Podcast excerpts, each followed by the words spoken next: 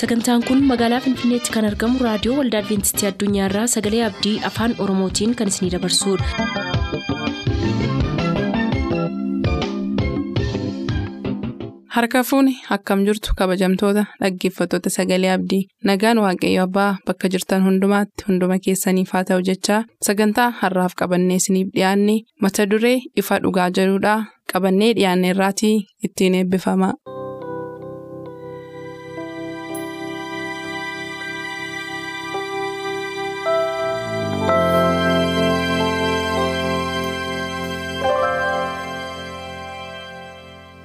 Ifa dhugaa.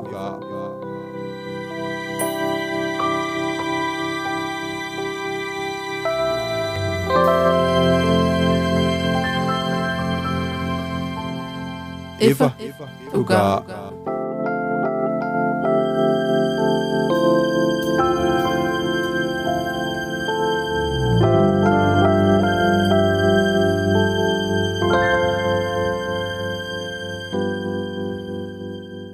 Nagaan Waaqayyoo bakka jirtan maratti isiniif baay'eetu akkam jirtu jaallatamoof kabajamoo dhaggeeffatoota keenyaa kun qophii ifa dhugaati. Qophii ifa dhugaatiin torbanitti yeroo tokko isiniif qabannee dhiyaanna qorannoo har'as kun egaa akkuma yeroo darbee isiniif qabannee dhiyaachaa turre obboleessa koo Daani'eliif sanbata wajjiniin kutaa sadaffaa macaafa faarfannaa isiniif qabannee jirra.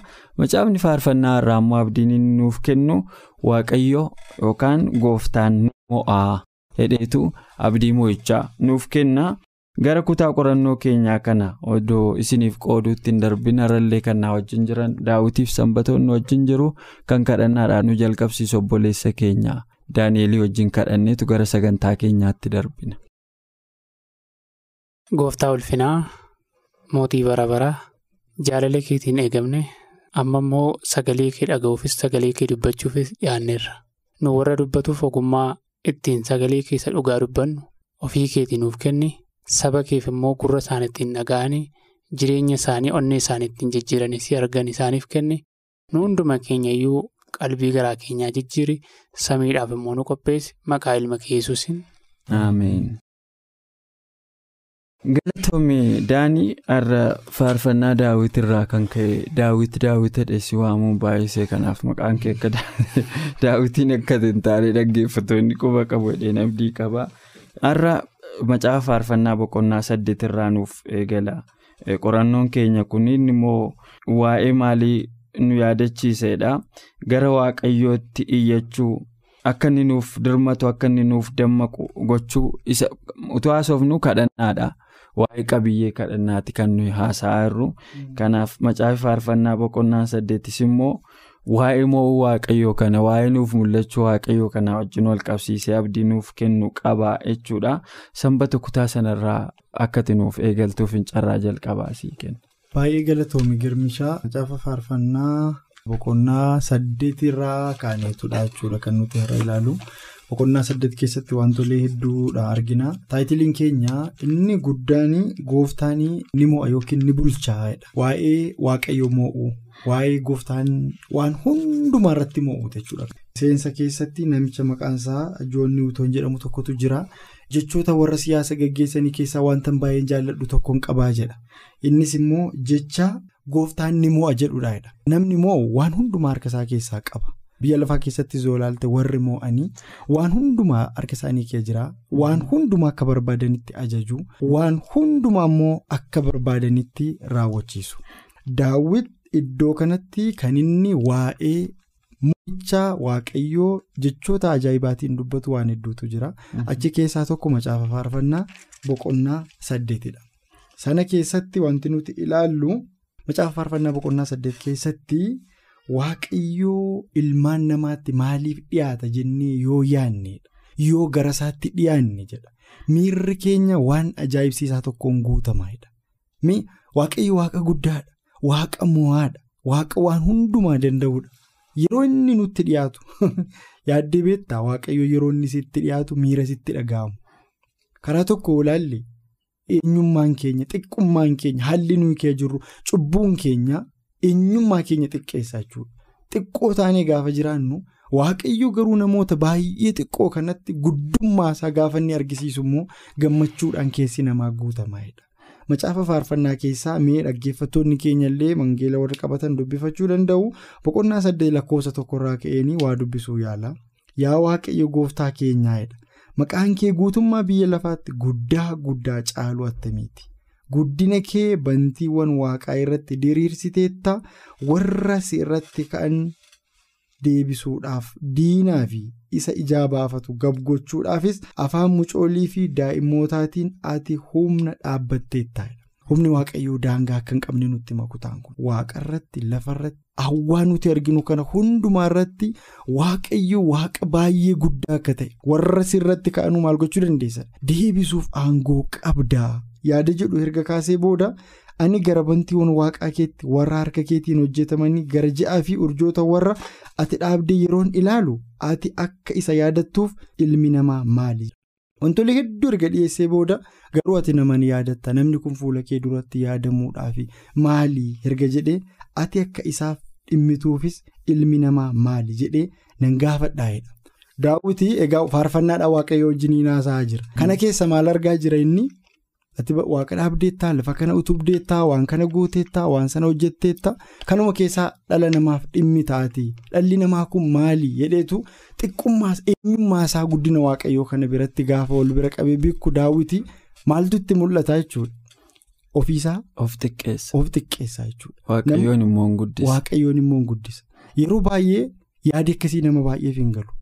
Namoonni miira hafuura qulqulluu keessatti gadoof xinneessanii hafuura cabaadhaan yaada cabaadhaan gadoof deebisanii waaqayyoon kadhatanii waan lama argu. Tokkoffaa xiqqeenya isaanii argu.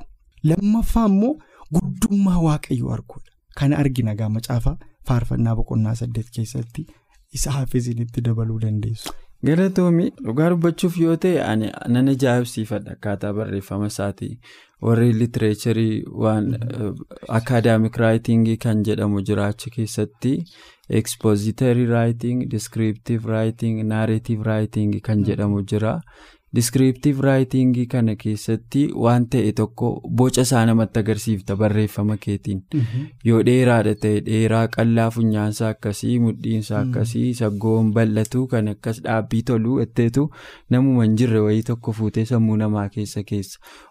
Kutaa siree wayii diskiraayibii goota diskiriptiivii keessatti kutaa akkasii keessa siree amsoolaa adiidhaan afame mataa dura isaa immoo piiloon akkasii yookaan tiraaziin akkasii. ka'ame lafisaa immoo minxaafiin akkasii afame keenyansaa yookaan gidaarrisaa magariisa guutummaatti kan uffate keessa yommuu lixe foolii akkasiitiin kutaan siree sun urgaa'ee etteetu hin jiru bee lafarra hin jiru. Waraqatumarraa urgaa'a hundisaa waraqatumarraa argama. Hin jiru waan tokko achirra. Kanaaf waan akkasii kana diskiraayibii goota boqonnaa sagaltamii torba irratti daawwitu maal godhaa jira waaqayyo mootiidha lafti gammachuu haa qabaattu. Biyyi bishaan keessaa warri baay'een haa gammadanii. Duumessi ifaan duumessi gurraachi dukkana'aanis isatti naanna'anii jiru teessoon isaas qajeelummaa fi dhugaarra dhaabate echaatti fufa. amma nuyi hin arginu kana faarfannaadhaan dubbataa jira. Teessoo waaqayyoo duumessa ifaaf gurraacha'aan guutuudha hurriin itti naanna'eeraati teessoo guddaarra jirta. Mataa koo keessaa qaba. Maatiliisti waan ta'e. Konseptii tokkoon qaba jechuudha mataa koo keessaa. na faarfannaadhaan waan akkasii ibsuun salphaa miti dhugaa dubbachuuf yoo ta'e.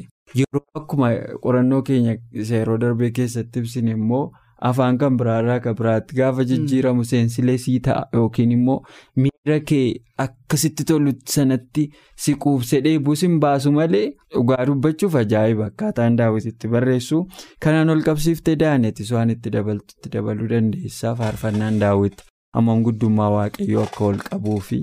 nuun immoo iddoo maalii akka nuu kennu irrattis yaadota biraas itti da'uu dandeessa. Yaa sirriidha yaada baay'ee gaariidha lameen keessan yookaan kaastanii daawwitii akkamittiin guddummaan waaqayyoo kan namaarra danuu akka caalu darbees immoo mootii waaqaaf lafa hoogganu akka ta'edha xinneenyummaa isaa jireenya isaa keessatti hammam xiqqaa akka ta'e jireenya namummaa kun baay'ee xiqqaadha jedha daawwitichi keessatti gaafa ilaalu akkuma amma sanbatoon kaase kanuma keessatti ilmaan namaa maalidha. Akkamitti ilaalama si biratti yaada jedhu kaasaa. Kanaaf ofiisaa gad of deebisee baay'eema ofiisaa hambil ta'e guddummaa waaqayyoo ol kaasaa jira. Fakkeenyaaf darbees immoo daawwitiin qofa miti. Iyyoo boqonnaa kudha sagal lakkoofsa 25 hanga 27 gaafa laallu iyyoo namummaan koo yoo badeyyuu jireenyi koo yoo iddoo isaa gadhiiseyyuu maalidhaa? Ati jiraataadha. As keessatti jarreen kana lamaan gaafa laallu namummaa isaanii sadarkaa baay'ee gadaanaarra kaa'aniitu waaqayyoon maal godhaa jiru guddummaa waaqayyoo himaa jiru. Waaqayyoo mootii waaqaaf lafaa akka ta'e gaafa ol deebinu kanuma keessatti waaqayyoo waaqa guddaa ta'etu jiru. Abiraam Isiyaaq Yaaqoobiif agirimentii jechuun waadaa akka galee argina. Waadaa maali? Waadaa bara baraa. Ani sanyii keef siif sanyii keef warra si booddee jiran hundumaafiyyuu maallan godhaa? Kakuu koonaan raawwataa Daawwitis waa'ee seenaa jireenya isaa gaafa ilaallu teessoon mootummaa kootii bara baraan jabaatee akka dhaabatu goote ani garuu homaayyuu miti namadha jedhee guddummaa waaqayyoo ibsa. Jechuun as keessatti gaafa ilaallu sirna faarfannaa keessatti fakkeenyaaf namoota biyya lafaa kanarratti sirboota wallee tokko tokko gaafa ilaallu jechuudha. Gaafa dhageenyus sadarkaa isaaniitti waan isaan ittiin jajaman. Gootummaa isaan hojjetan jabduu isaan saba keessatti hojjetanii fi saba isaanii gurmeessuu keessatti ga'ee isaan taphataniin wallee tokko tokko gaafa dhaggeeffatu baay'ee namoota kan biroorra jajaniitu maal godhu nama sana ol kaasanii mul'isu. Kun egaa wallee addunyaa keessatti arginu yookaas saba keenya keessatti arginu namoota naannoo keenya keessa jiranii maalidhaa wanta tokko nama tokko nama tokkorra caaluu isaatiin maal godhanii nama sana guddisanii sadarkaa tokkorra siidaa dhaabuufi jechuudha.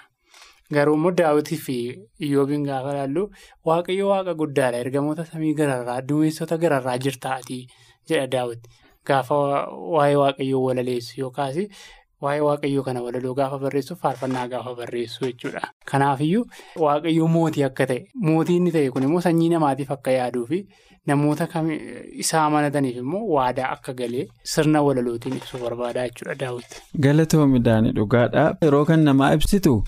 Ukukkubsuu gurra guddisuu arbeessuu kan jedhamu jira kan namaa dhuguma egzaajireetidii ta'uu danda'a daawwit garuu the maximum potential amma danda'u hunda jecha danda'u hundatti fayyadamee waaqayyoon ibsuuf yaala infaakti waaqayyoon jechi namaa yoo kan hin ibsine ta'ees jecha qabuun itti fayyadamuu danda'u hundatti fayyadameera. Eenyummaa waaqayyoon nutti agarsiisuudhaaf kanaaf think qabiyyeen faarfannaa nu kanarraa barruu. Waaqayyoo attamitti akka jajamuu qabu nullee jireenya keessatti waaqayyoof iddoo hammamee akka laachuu qabnu dandeettii qabnu waanuma beeknu hundaan guddummaa isaa himuudhaa fi waan nu barsiisuuf hambifate natti hin fakkaatu daawwitii sanbee kanatti dabaltee yaada ittaanu itti fufuu hin dandeessa carraasii kenne. Tole waa tokko dubbachuun barbaadanii inni maa inni daawwit yeroo waan kana barreessu baay'ee isaa. Bu'aa bahii jireenya isaa keessatti barreesse inni irraa dubbachaa turreerra. Bu'aa bahii jireenya isaa keessatti immoo waa tokko argeera. Waan qabatamaa jechuudha. Waan qabatamaa daawwit arge keessaa tokko maalidhaa? Daawwit gaafa loluu barbaadu waaqayyoon gaafata tureeni. Bakka kana dhaqee lolummoo dhiisuu jedhee waaqayyoon gaafata. Yoo waaqayyo dhaqii jedhee hin naqa. Yoo waaqayyo immoo dhiisii jedhee hin dhiisa. Iddoo baay'eetti akka nuti teenyee haasofnu kana waaqayyo daawwitii wajjin haasa'aa ture jechuudha. Kana hundumaa erga argeeti daawwit kan inni barreesse. Macaafa faarfannaa torbaatamii shan lakkoofsa tokkoo gara dhumaarratti maal jedhaa? Ati maqaa kee isa beekamaadhaan warra gocha kee isa dinqisiisaa himanitti dhiyoodha. Argitee waaqayyoo akka inni isatti dhiyoo ta'e beeka. Kana birqaba tokko malee argee jechuudha daawwit. Kanammoo maalirraa argee? Jireenya isaarraa arge. Waaqayyoon gaafattee mati yoo waaqayyoon mideetiliisii deebise kana caalaa ragaanatti barbaaddu maaltu jira? Hin jiru jechuudha. Maal dubbachuu barbaadeen kana biratti waaqayyo inni moo'aa ta'e kun inni bulchaa ta'e kun abbaa firdii ta'uusaa beeka daawwiti. Ati firdii qajeelaadhaa nama hundumaa firdii kenni taa'edha.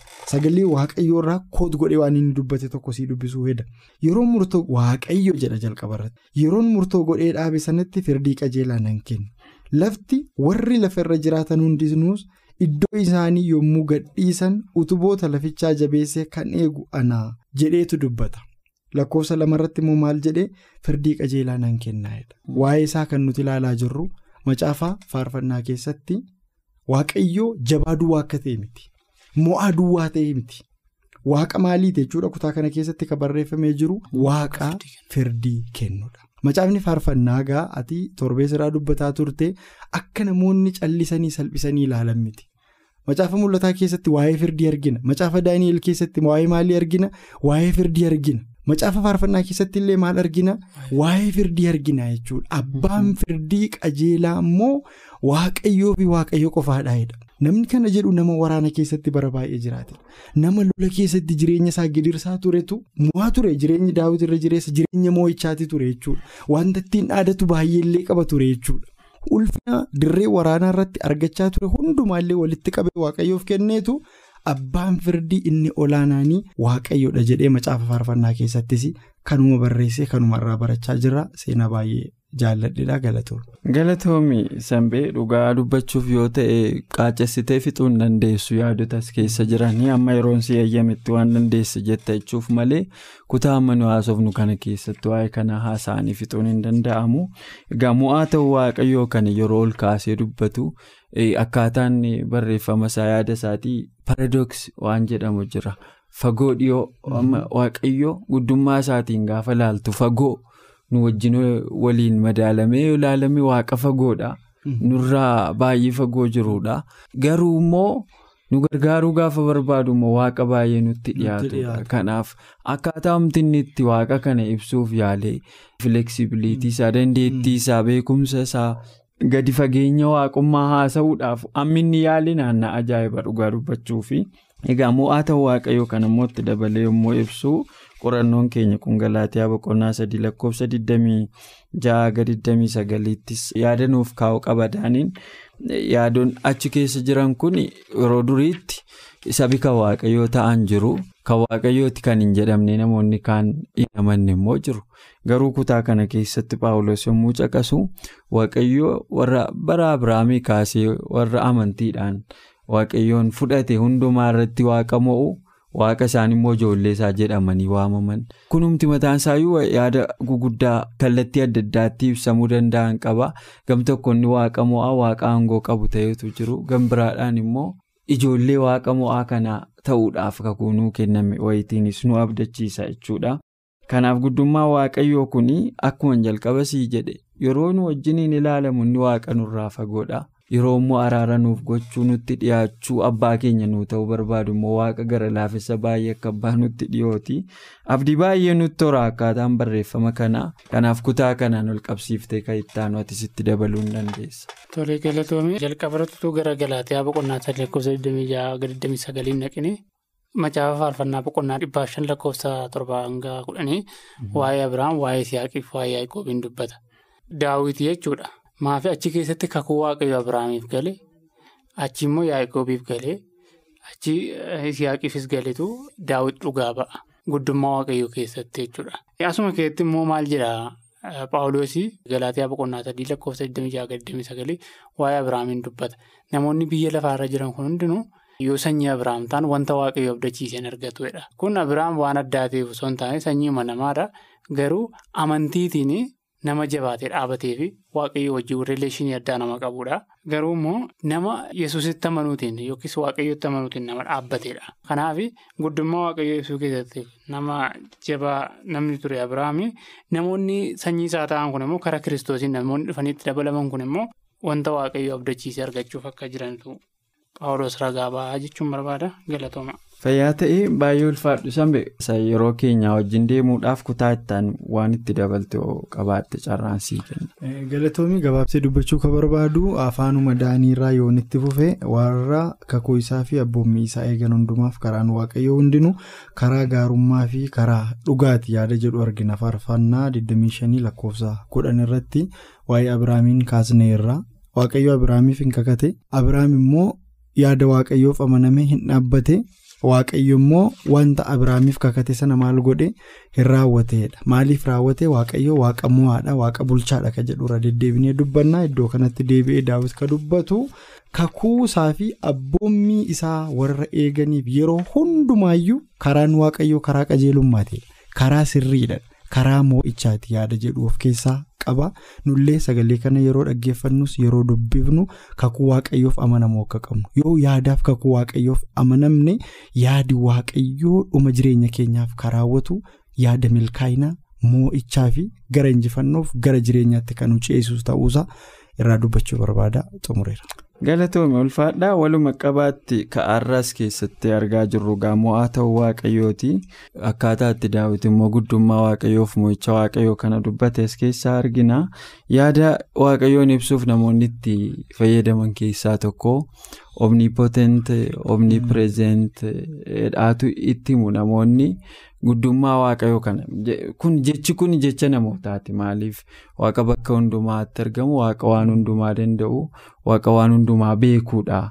Omnisheentiidha omnipotentiidha omnipresentiidha jedhu. Kanaaf waaqayyoo barreeffama daawit kana keessaan yommuu ibsamu ulaagaalee kana hundumaa guute argama.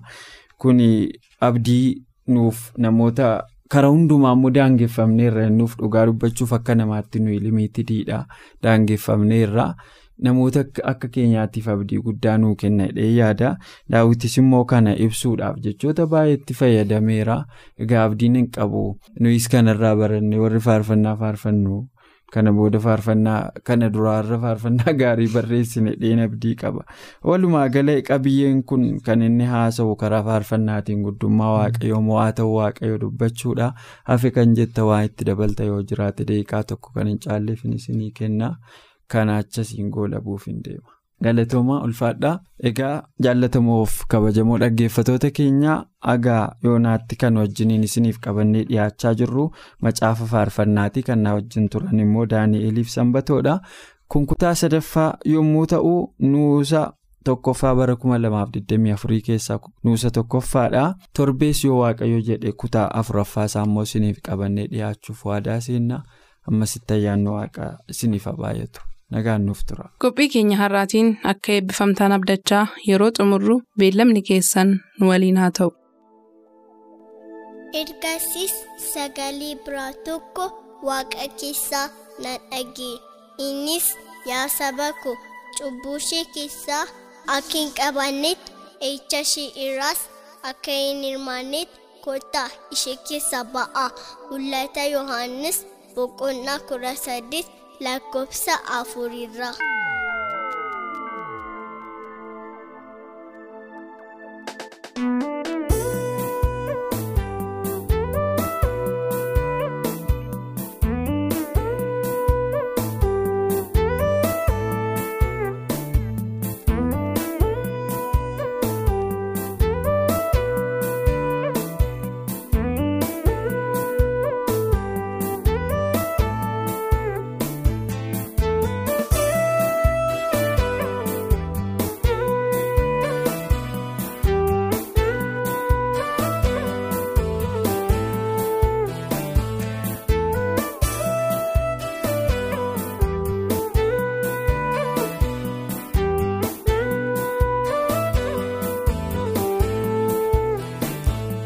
Gargamoota sadaanii sana labsinaa warra dhugaadhaa ga'anii hundumaatti himnaa baabiloon baduudhaaf jetti keessaatii ba'aa akeekkachiisaa saduumaa maaloo dhaga'aa gargamoota sadaanii sana labsinaa. Warra dhugaadhaa ga'anii hundumaatti himnaa baabiloon baduudhaaf jetti keessaatii ba'aa akeekkachiisaa saduumaa maaloo dhaga'aa.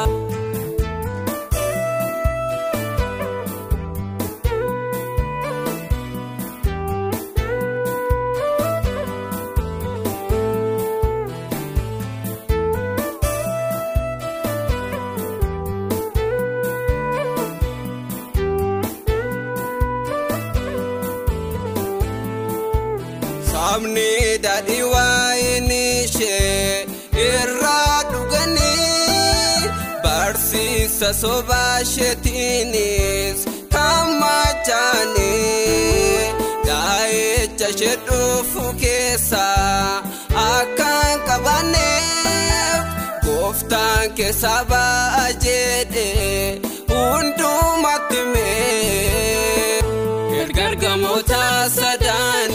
sana labsinaa warra dhugaadhaa ga'anii hundumaatti himnaa baabiloon baduudhaaf jetti keessaatii ba'a akeekkachiisaa saduuma maaloo dhaga'a.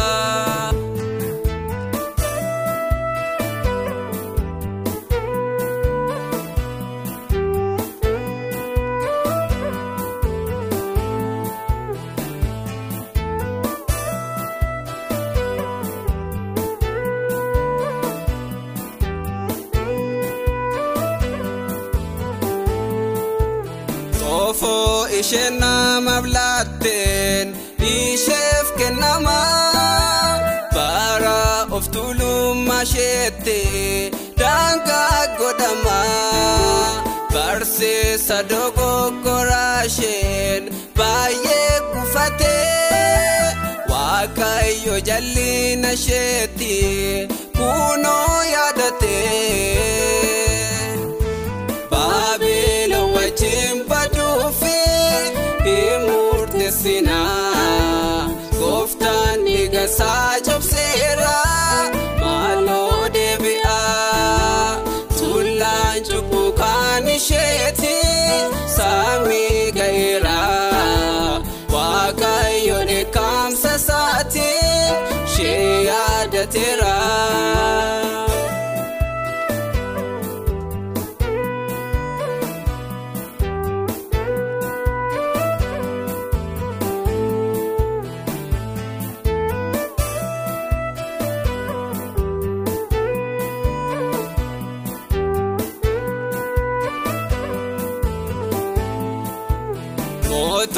Ishee wajjin ejjaan isheef ni bo'u. Daldaltoonni biyya lafaas isheedhaaf gaddu. Miidhaginni isheen ni durii koosii ta'eera isheen illee akkas hin seene yeroon ga'eera.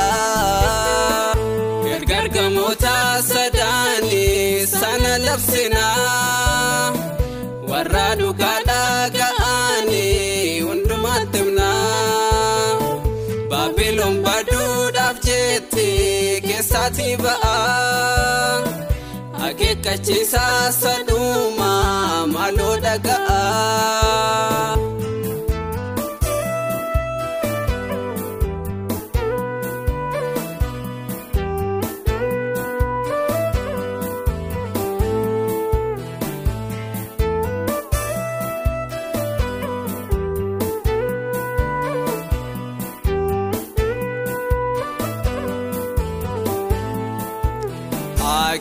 Akeekkachiisaa waaqayyoo saanaa tuffattee of tuulummaan itti fuufuu baabiloon filattee fiinoof fululleen sheelaamu hin dhaga'amu dhiigaa isheen dhangalaafteefis